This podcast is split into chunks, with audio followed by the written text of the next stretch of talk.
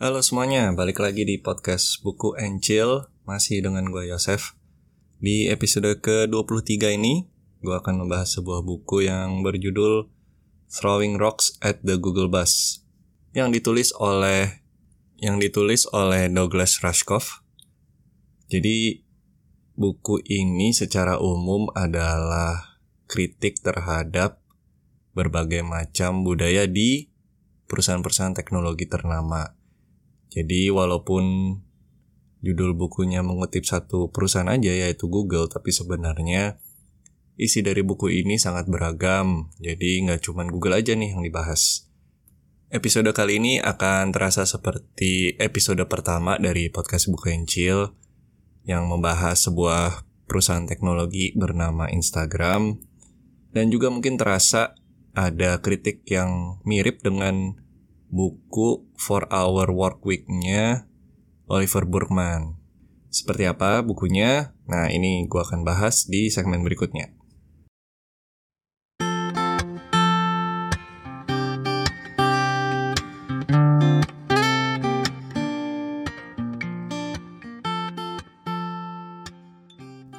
Buku ini sendiri ditulis, bukan ditulis ya, dipublikasikan di sekitar tahun 2016 jadi waktu tahun 2016 mungkin memang lagi booming-boomingnya orang-orang lagi pada terkagum-kagum dengan perkembangan Facebook, Google, Apple, Amazon.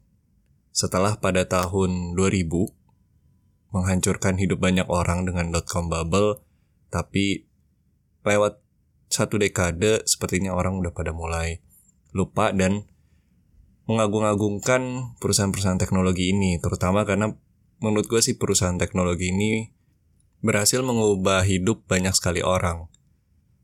Yang dulunya kita kalau ketemu orang lain, ketemu teman kita mesti fisik atau palingan juga cuman SMS doang. Tapi dengan sosial media gaya baru, dengan Facebook, dengan Twitter, kita jadi punya media komunikasi yang sangat berbeda dari yang pernah kita punya sebelumnya. Kita bahkan bisa langsung berhubungan dengan orang-orang yang selama ini mungkin kita cuma bisa lihat di TV, cuma bisa lihat di layar bioskop. Tapi sekarang kita bisa langsung tahu pendapat mereka tentang berbagai macam hal.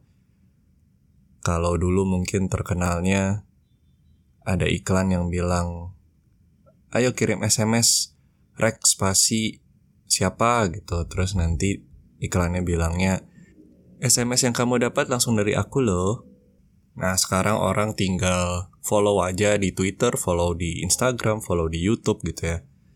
Jadi memang perusahaan-perusahaan teknologi ini mengubah cara hidup manusia dengan sangat signifikan.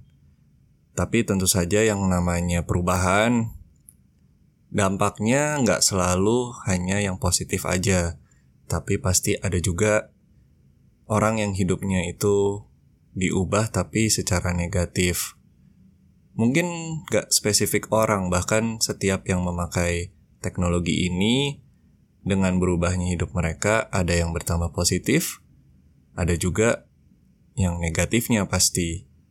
Paling gampang misalnya kita sekarang jadi menghabiskan waktu berjam-jam mungkin ngeliatin HP gara-gara kecanduan dengan sosmed atau kita juga jadi bisa lihat dampaknya TikTok ke anak remaja, dampaknya Instagram yang bikin anak remaja jadi kurang percaya diri karena yang dilihat dari artis-artis itu hanya yang bagus-bagusnya aja.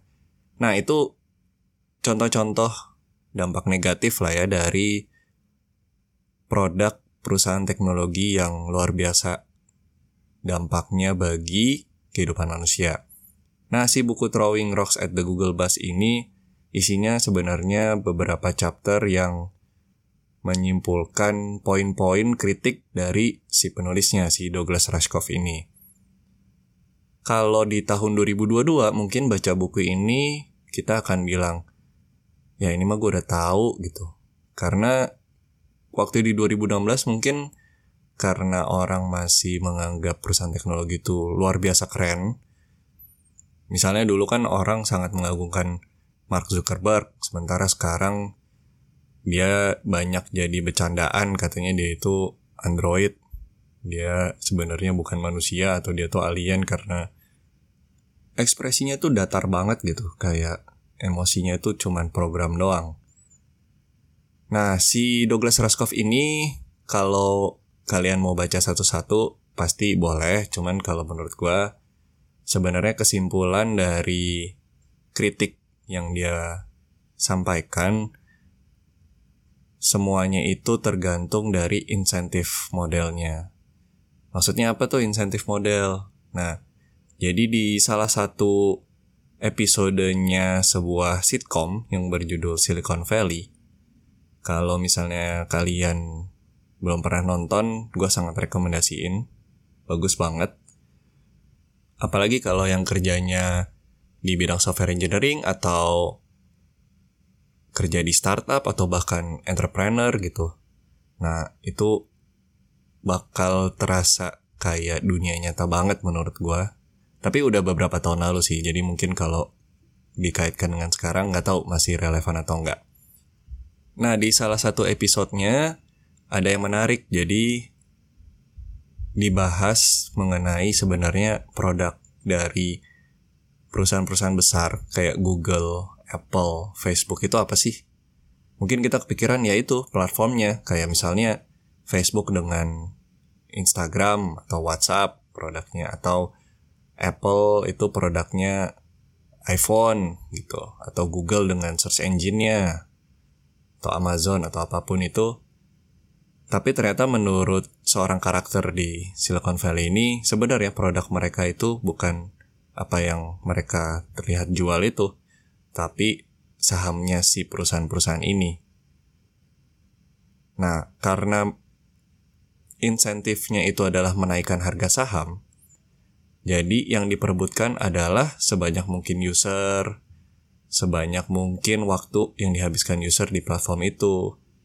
Intinya adalah semakin lama penggunanya itu harus terus berkembang, growing terus. Kalau misalnya jumlah penggunanya itu nggak berkembang, waktu yang dihabiskan juga harus terus bertambah. Jadi perusahaan-perusahaan ini pada akhirnya ya peduli sama satu hal aja. Gimana caranya membuat kita semua kecanduan dengan platform mereka. Nah, karena insentif model yang seperti ini, karena sudah diset dari awal, tujuannya itu adalah membuat kita kecanduan.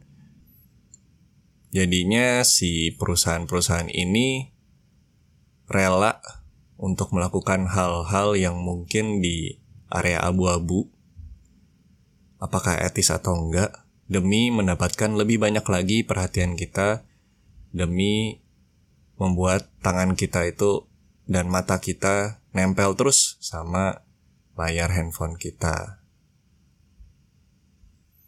Sebenarnya kebobrokan dari insentif modelnya tech company itu tidak berhenti sampai di ranah etis atau enggak berbagai macam hal yang mereka lakukan.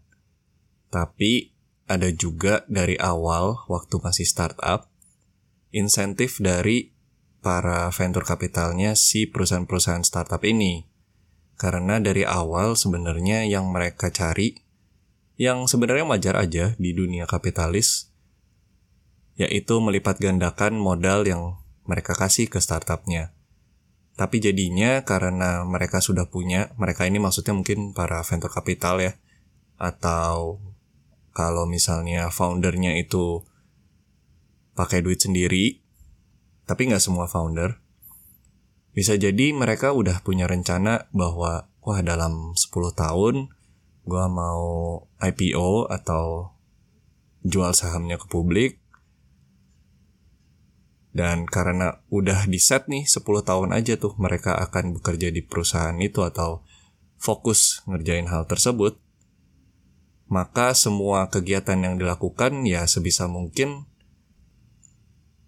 demi meningkatkan performa perusahaan 10 tahun lagi harus ada di puncaknya.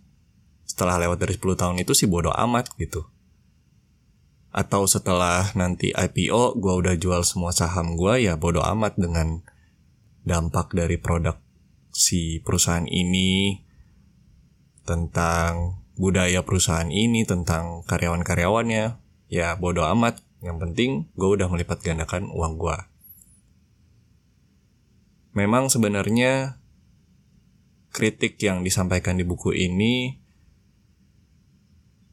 menurut gue sih sangat wajar ya kalau melihat insentif bukan cuma di perusahaan startup teknologi atau perusahaan teknologi besar multinasional yang sekarang udah terkenal tapi menurut gue memang kritik ini secara general masih masuk di ranah kapitalisme gitu karena yang namanya kapitalis ya yang penting cuan-cuan-cuan bukan gimana kita bisa memperbaiki hidup dari para pengguna produk kita gitu. Walaupun sebenarnya seharusnya kan kalau misalnya insentifnya itu benar, produk yang cuan ya produk yang memang memperbaiki atau bisa membantu kita dalam menyelesaikan masalah dalam kehidupan kita sehari-hari. Tapi ya mau gimana sebagai manusia ujung-ujungnya yang kita inginkan adalah bahagia dan kadang-kadang demi kebahagiaan itu kita rela menghabiskan waktu kita untuk sebenarnya hal-hal yang tidak produktif. Memang susah karena kita tidak bisa mengukur kebahagiaan manusia. Jadi sering kali kita pakai berbagai macam proksi untuk mengukur seberapa bahagia kita dan ternyata seperti pepatah mengatakan setiap hal yang bisa kita ukur pasti bisa dimanipulasi. Makanya sekarang kita kira kalau pengguna kita makin banyak pakai program kita itu artinya mereka makin bahagia. Padahal belum tentu.